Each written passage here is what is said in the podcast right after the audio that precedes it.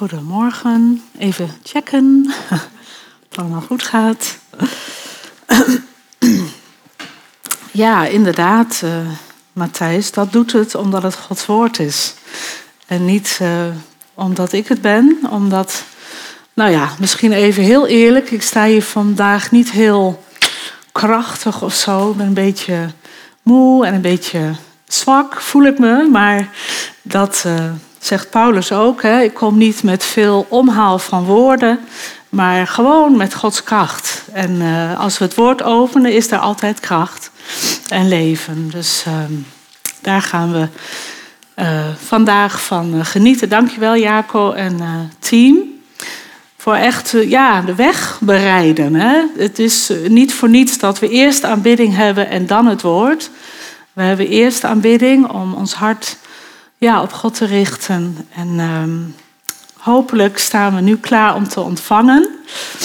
Um, nou, dus inderdaad uh, iets wat op mijn hart ligt, wat al een tijdje, um, nou ja, dan zo hier en daar hoor ik dan eens wat. En dan uh, gaat dat werken en dan uh, denk ik, nou, daar zou ik wel eens wat van willen delen. maar ik wil graag beginnen met twee teksten. Um, Twee voor tien heeft Eugenie er nog opgezocht. Dankjewel, Eugenie. Um, twee teksten uh, ja, waarvanuit ik uh, vanmorgen iets wilde delen. De eerste staat in 1 Petrus 3. En daar staat: Geprezen zij de God en Vader van onze Heer Jezus Christus. In zijn grote barmhartigheid heeft hij ons opnieuw geboren doen worden door de opstanding van Jezus Christus uit de dood, waardoor wij leven in hoop. En dan tweede vers in Johannes 1, vers 12.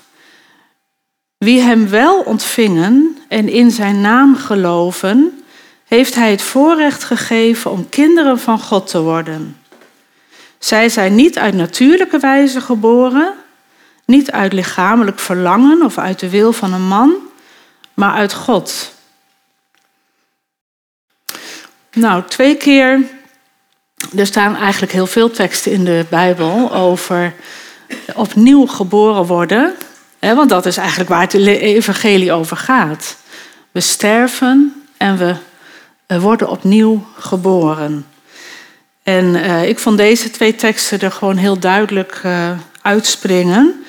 En, maar in beide teksten wordt gesproken over opnieuw geboren worden. En daar wilde ik het dus vanmorgen ook over hebben. Um, als, je, als jullie zo even naar jezelf kijken, zou je zeggen dat je opnieuw geboren bent? Dat je wedergeboren bent? En zo ja, wat, uh, hoe weet je dat dan? En hoe, hoe, uh, ja, hoe zie je dat dan?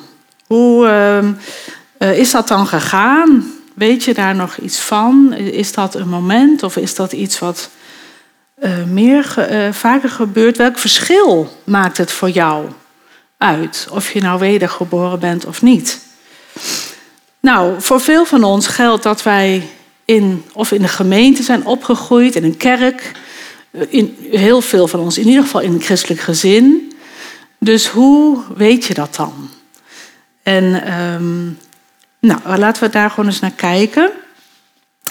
Uh, vanaf het moment dat wij geloven dat Jezus Gods zoon is en Hem toelaten in ons leven, ons overgeven aan Hem, worden we eigenlijk door de Heilige Geest met Jezus Christus vereenzelvigd.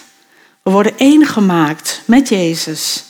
Eigenlijk kun je zeggen, we zijn hetzelfde als Jezus. Nou is dat niet helemaal. Het is niet precies hetzelfde, want Jezus is God.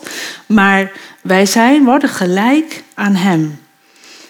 Um, we worden één in zijn sterven en in zijn opstanding. En onze oude mens sterft met Jezus, zodat we een nieuw leven kunnen leiden. Er staat een heel stuk over in Romeinen 6. Um, ehm, heel duidelijk eigenlijk. We worden overgezet van dood naar leven op het moment dat we geloven dat Jezus Heer is. Van duisternis naar licht. Een nieuw persoon wordt geboren in ons. Eigenlijk een baby. Een geestelijke baby. En het nieuwe leven is eigenlijk het leven dat God altijd al in zich had. En dat hij duidelijk is geworden, zichtbaar is geworden in Jezus Christus. En door Gods genade alleen kunnen wij dat leven ontvangen in ons leven. Als we het hebben over het evangelie, dan wordt er heel vaak, uh, tenminste dat is mijn ervaring, wordt vaak gepraat over dat hij onze zonde heeft vergeven. En dat is natuurlijk absoluut een waarheid.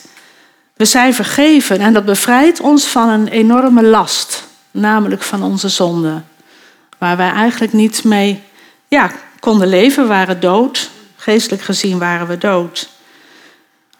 Zijn dood heeft mogelijk gemaakt dat wij stierven aan onze zonde en levend zijn geworden. Maar vaak is dat waar het stopt. We zijn vergeven.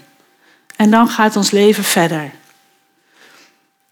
Maar het is zo belangrijk dat we geloven in de opstanding.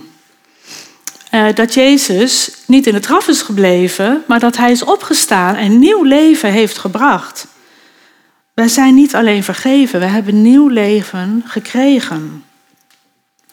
En als wij niet geloven in de opstanding, hè, er was in, in die tijd, toen Jezus is gestorven en is opgestaan, waren er heel verschillende reacties op zijn opstanding.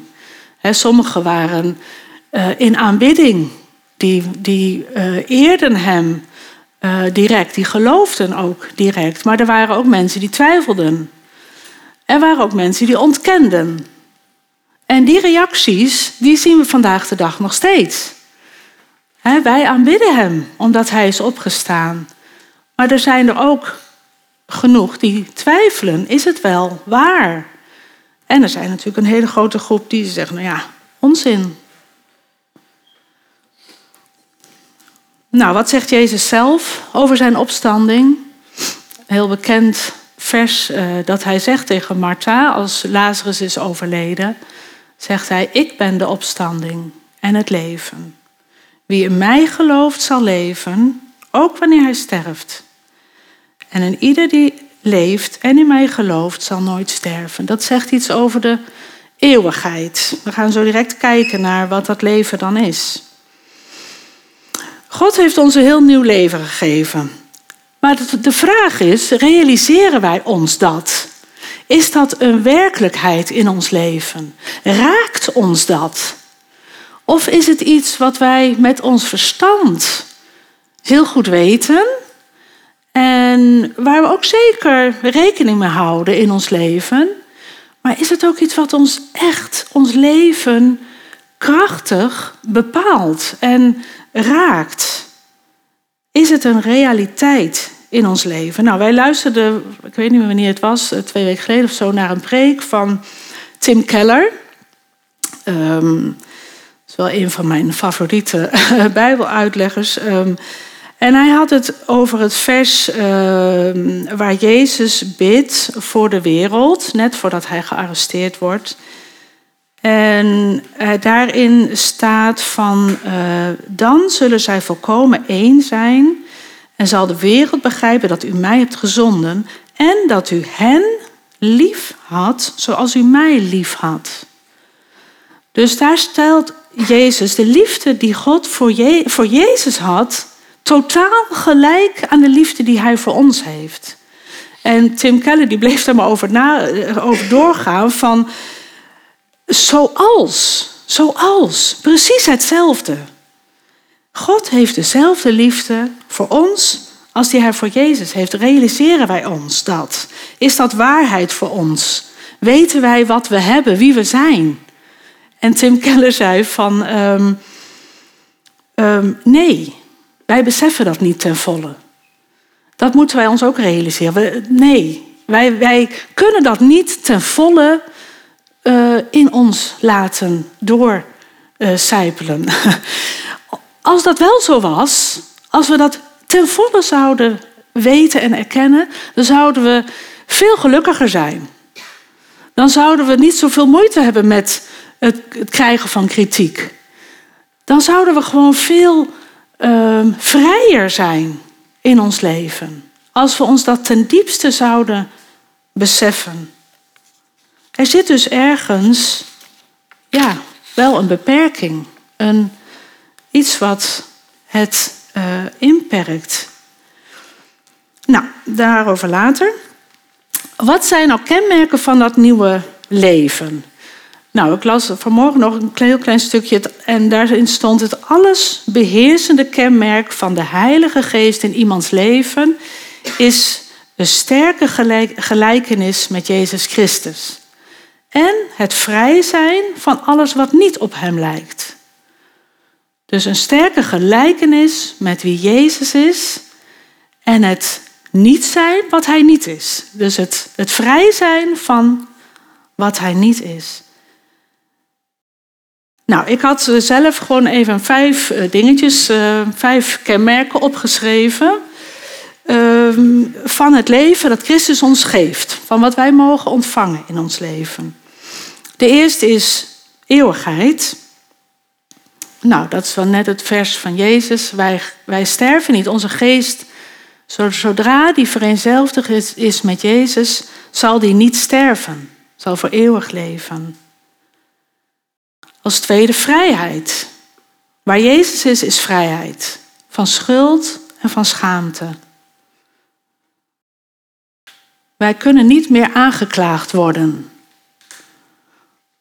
Alle aanklachten tegen ons zijn ongegrond, omdat Jezus voor ons gestorven is en opgestaan is.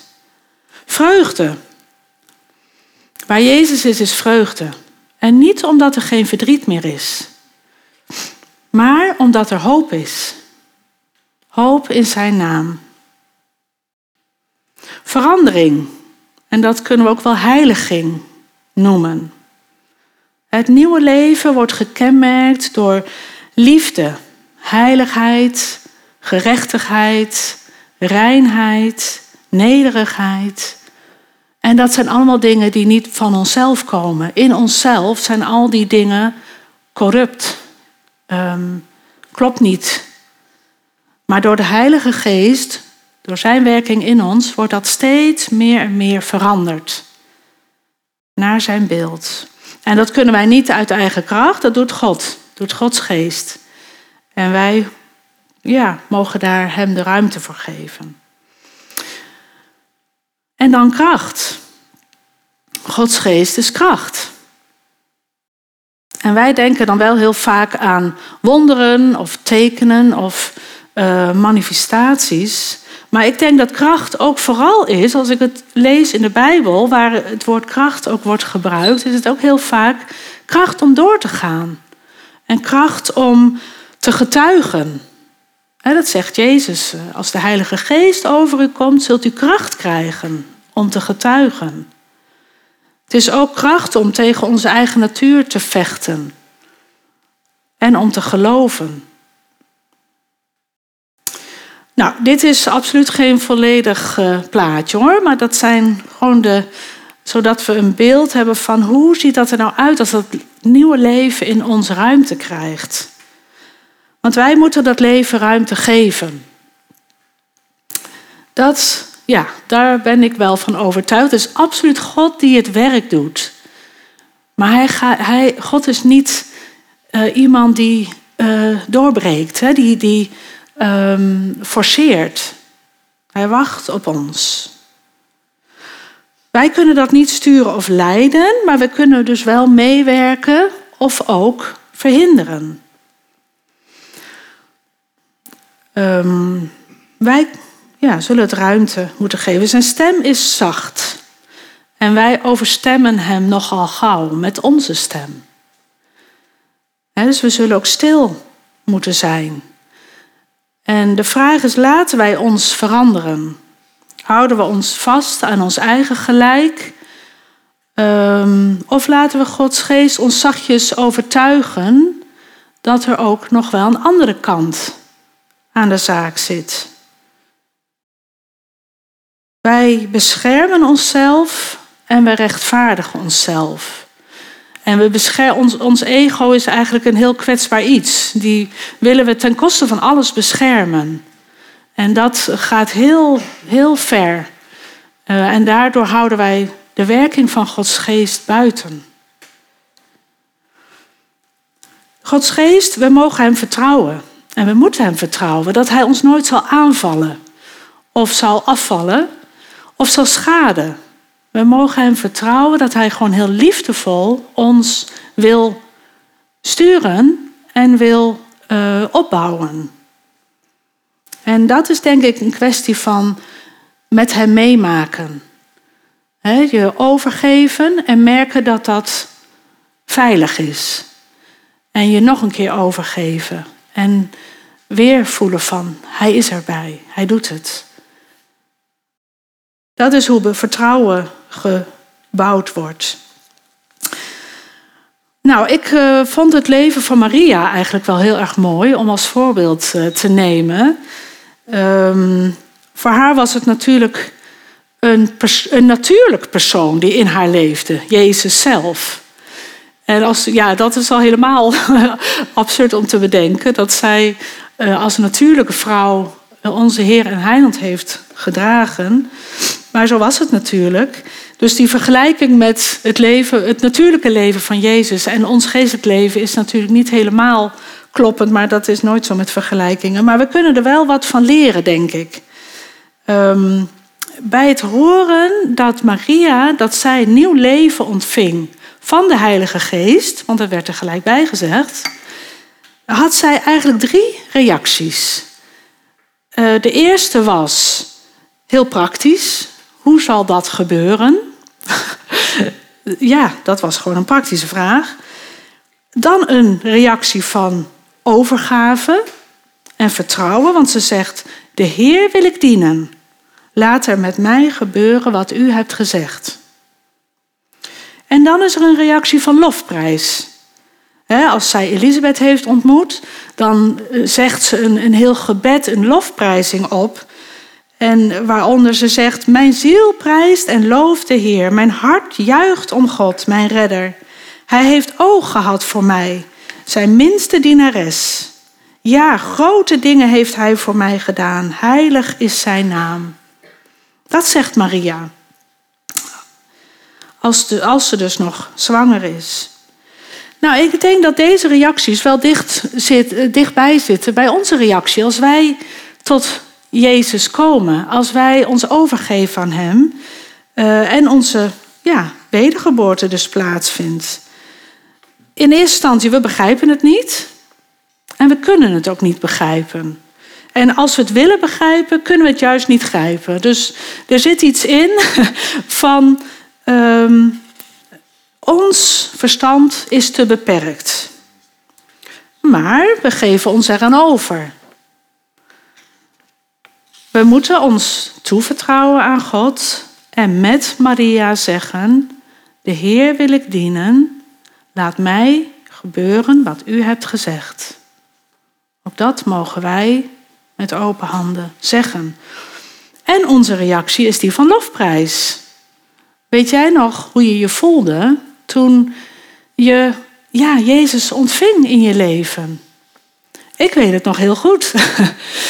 um, omdat ik een, ja, best wel een, in een moeilijke situatie zat. En ik op een jeugdkamp, toen ik 18 was, eh, tot bekering kwam. En echt heel duidelijk de, het getuigenis had: Heren, ik kan niet zonder u. En ik had daarvoor al wel, ik kom ook uit een christelijk gezin, al heel veel natuurlijk ook meegemaakt. Maar de vreugde en de blijdschap, die kan ik me nog heel goed herinneren. En ook de drang om dat aan anderen te vertellen en daarvan te getuigen. En um, ja, dat, het is eigenlijk um, de, de, de baby, de geestelijke baby in ons, die schreeuwt: Jezus is Heer. Jezus is Heer. Dus in plaats van een, een huiltje is het een lofprijs. En de Bijbel zegt dat niemand ooit kan zeggen: Jezus is Heer zonder de Heilige Geest. Dus um, het is ja, een bewijs, denk ik. nou ja, Maria beleidt dit over haar ongeboren zoon. En zij ja, heeft die onwaarschijnlijke taak om moeder te zijn van haar verlosser van de, en van de verlosser van de wereld. Het is gewoon niet te beseffen. Nou, wij hebben allemaal een moeder. En velen van ons zijn moeder. En ja, wat het lastige is van moeder zijn, is dat je je kind moet loslaten. En dat is gewoon, ehm, ja, ik denk ik zelf het moeilijkst. Je moet het kind de ruimte geven om te groeien. En eh, zich te ontwikkelen op een manier en een tempo dat dat kind ja, dat eigenlijk aangeeft. En dat vinden wij zo moeilijk, denk ik, omdat we zo graag willen dat het goed gaat met ons kind. En wij denken ook dat wij daarin de beste ja, raad hebben. en eh, het beste weten wat daarvoor nodig is. Maar goed, voor Maria denk ik dat er nog iets extra's moeilijks zat. Het was het loslaten van haar kind, maar het was ook het beseffen dat haar kind geen, uh, een geestelijke vader had. En dat was een, Jezus kwam, werd geboren in de wereld met een heel ander doel. Een, een hoog doel. En dat, had zij, dat kon zij niet begrijpen. Uh, dat was gewoon te veel voor haar. Kijk, door wat de engel Gabriel haar had gezegd en in de tempel natuurlijk. Uh, Simeon en Anna, die hebben ook dingen uitgesproken. De herders hadden al dingen gezegd die zij in haar hart had opgeborgen. Zij wist echt wel dat Jezus niet een doorsnee jongen was. Dat, dat, uh, dat wel, maar zij kon niet de volheid van zijn doel begrijpen. En dat zien we eigenlijk als uh, we iets verderop lezen. In, in het Lucas-evangelie wordt dit met name beschreven. Um, als Jezus op 12-jarige leeftijd achterblijft in Jeruzalem. Nou, dat verhaal kennen we wel. Um, uh, ze, zijn, ze hebben het Pesachfeest gevierd. Ze zijn de familie, Maria en de familie, is al op weg naar huis. Ze hebben al een dag gelopen. Dat, dat ze er pas achter komen, Jezus is er niet bij. Nou, ze gaan weer terug. En uiteindelijk, na drie dagen zoeken, vinden ze hem in de tempel. Nou, Maria die reageert vanuit haar menselijk moederhart. En zij zegt: ehm, Kind, wat heb je ons aangedaan? Je vader en ik hebben met angst in ons hart gezocht. Nou ja, uh, hij was drie dagen weg. Dus ik kan me wel enigszins voorstellen dat je paniek hebt. um, Maar goed, en dan zegt Jezus: Waarom hebt u naar mij gezocht? U weet toch dat ik, of wist u niet dat ik in het huis van mijn vader moest zijn? Uh, nee. dat is ja, voor ons menselijk denken gewoon te moeilijk. En dat stond direct daarna staat ook. Zij begrepen niet wat hij tegen hen zei. Dus de Bijbel is er ook over eens, het is niet te begrijpen. Maar wat ik wel heel mooi vind, Maria, dan, net daarnaast staat, zij sloot alles wat er met hem gebeurd was in haar hart. Ze begreep het niet, maar ze nam het wel aan. Maria wilde als moeder haar zoon eigenlijk vasthouden. En je kunt misschien ook een beetje zeggen, ze wilde haar zoon nog een beetje beknotten, nog een beetje sturen. En in de hand houden. En zij moest hem wel opvoeden vanuit haar perspectief. Ze had niks anders. Ze moest het doen met wat zij wist en kende. En Jezus was op een gegeven moment, die, die paste daar eigenlijk niet meer in. En ze konden niet begrijpen wat Jezus zijn ware opdracht en doel was. Maar ja, wat ik net al zei, het mooie is, zij was, stond wel open voor het onbegrijpelijke. Ze sloot het in haar hart en zij dacht erover na. En dan in Matthäus 12 eh, gebeurt er ook nog weer zoiets. Dan komen Maria en haar zonen, dus de broers van Jezus, die komen naar een plek waar Jezus aan het spreken is met zijn discipelen. En zij zeggen dan, uh, waar is Jezus? Wij moeten hem dringend spreken. Er staat niet bij waarover. Geen idee. Um, Dus iemand gaat naar binnen en zegt tegen Jezus: Uw moeder en uw broers staan buiten en uh, zij moeten u dringend spreken. En dan zegt Jezus weer zo'n onbegrijpelijke zin: Wie zijn mijn moeder? Wie is mijn moeder en wie zijn mijn broers? Dit zijn mijn moeder en broers, degene die de wil van God doen. Voor ons klinkt dat heel best hard zelfs.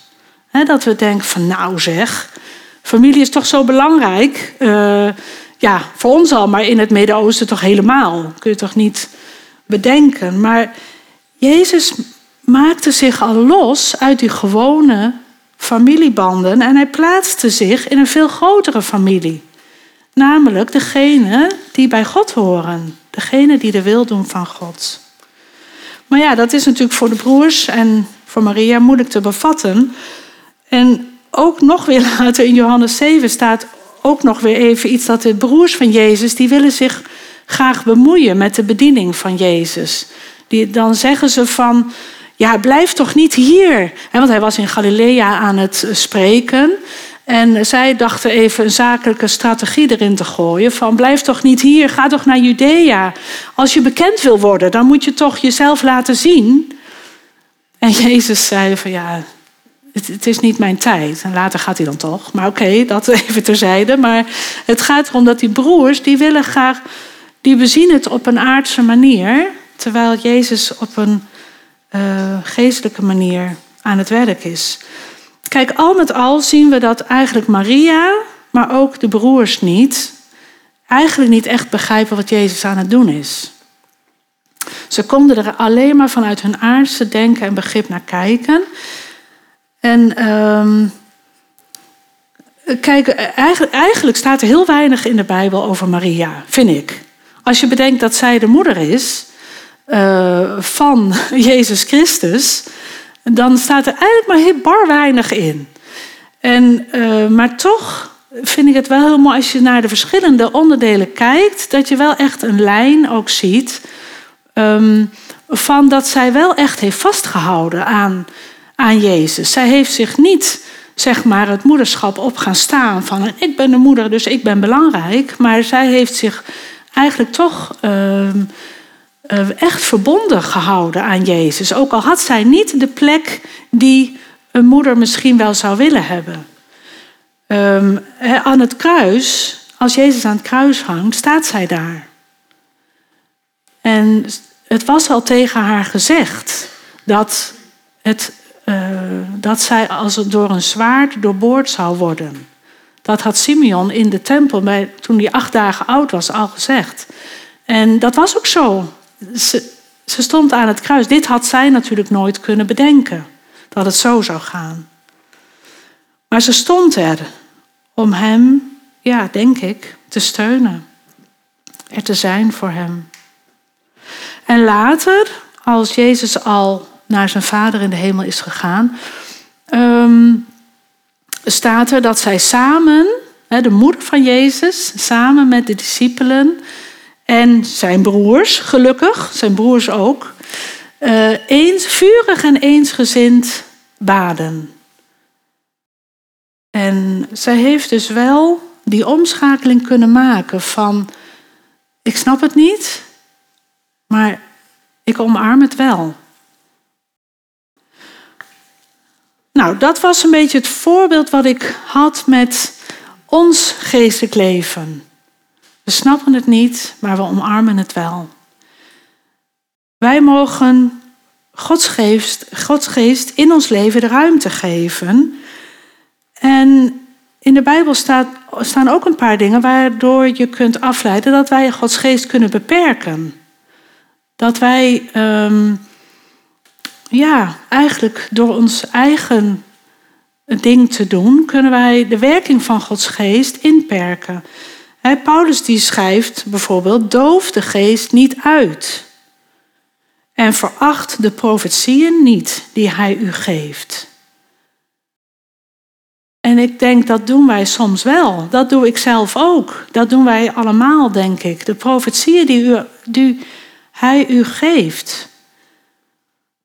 Nou, ik kan eerlijk gezegd ik kan niet echt zeggen dat ik heel veel profetieën um, heb gehad in mijn leven of zo. Ik zeg ook niet dat dat dan per se moet, maar um, het gaat er meer om van doven wij de geest uit. En hoe doen we dat dan? Dat, dat is denk ik vooral door ons eigen ja, beperkte denken, maar ook door onze eigen gang van zaken. Nou, toen ik daar een beetje over aan het lezen was, toen uh, had ik een boek van uh, Andrew Murray. Ja, die, die, dat is al iemand uit de 19e eeuw. Ik hou wel van een beetje oude boeken. um, en hij schrijft: uh, Er zijn vooral twee dingen die deze kracht en de groei van het geestelijk leven verhinderen. En de eerste is um, de onkunde over de aard van het leven en van het nieuwe leven heb ik het dan dus over en zijn wetten en werkingen. Dus uit de 19e eeuw, en ik doe het precies hoe het er staat, dus uh, het is misschien een beetje oud, maar de onkunde over de aard van het nieuwe leven en zijn wetten en werkingen. De mens heeft uit zichzelf niet het minste begrip van het nieuwe leven uit God. Het gaat al zijn gedachten te boven. Zijn eigen verkeerde gedachten over de manier om God te behagen zijn zo diep geworteld dat al denkt hij dat hij Gods woord verstaat en aanneemt, hij toch menselijk en vleeselijk over goddelijke dingen denkt. En hij zegt dan dat als we ervan overtuigd zijn dat wij onkundig en onmachtig zijn om over dat nieuwe leven uh, ja, te begrijpen, dat we dan de zachtmoedigheid krijgen om te leren van Gods geest. Dus het is juist goed als we erkennen van, ja nee, inderdaad, dat weten we niet. Omdat Gods geest ons dan zelf kan, dat geeft eigenlijk een openheid, een ruimte. En het tweede is het gebrek aan geloof. En dan schrijft hij, in elke plant, in elk dier en elk kind is levenskracht genoeg om groot te worden. In het nieuwe leven heeft God heerlijk voorzien en overvloedige kracht geschonken aan zijn kind om te groeien en te worden wat hij wezen moet. Christus zelf is zijn leven en levenskracht. Maar omdat dit krachtige leven niet zichtbaar is of gevoeld kan worden, maar door menselijke zwakheid heen werkt, raakt de jonge christen vaak vertwijfeld. Hij gelooft dan niet dat hij met goddelijke kracht en zekerheid zal opgroeien. Hij begrijpt niet dat het geloofsleven een leven uit geloof is, waarbij hij erop mag rekenen dat het leven dat in Christus is, voor hem is, ook al ziet, voelt of ondervindt hij niets. Dus dat is het gebrek aan geloof. Geloof is iets wat we niet zien. Wat we niet voelen, wat we misschien helemaal niet merken. En als, eh, God zij dank dat we wel zijn liefde en aanwezigheid mogen merken, maar niet altijd natuurlijk. Maar het geloof dat God dat nieuwe leven in ons heeft uitgestort eigenlijk, is zo belangrijk om daarin te leven. En dan nog één stukje van Andrew Murray. De, uh, hij zegt, en daar zeg ik volledig amen op. Laat toch ieder die dit nieuwe leven heeft ontvangen, het vaste geloof hebben. Het eeuwige leven werkt in mij. Het werkt met goddelijke kracht. En daardoor kan en zal ik worden zoals God mij hebben wil. Christus zelf is mijn leven. Elke dag moet ik Hem ontvangen. En als het mij door God geschonken leven. Dan zal Hij mijn leven zijn in volheid en kracht. Nou, ja, eigenlijk is mijn oproep vanmorgen. Realiseren wij ons dat wij nieuw leven in ons hebben. God heeft grote plannen met jouw leven. En Hij wil graag in jou dit uitwerken. En die grote plannen, dat is niet altijd dat er grote dingen gebeuren.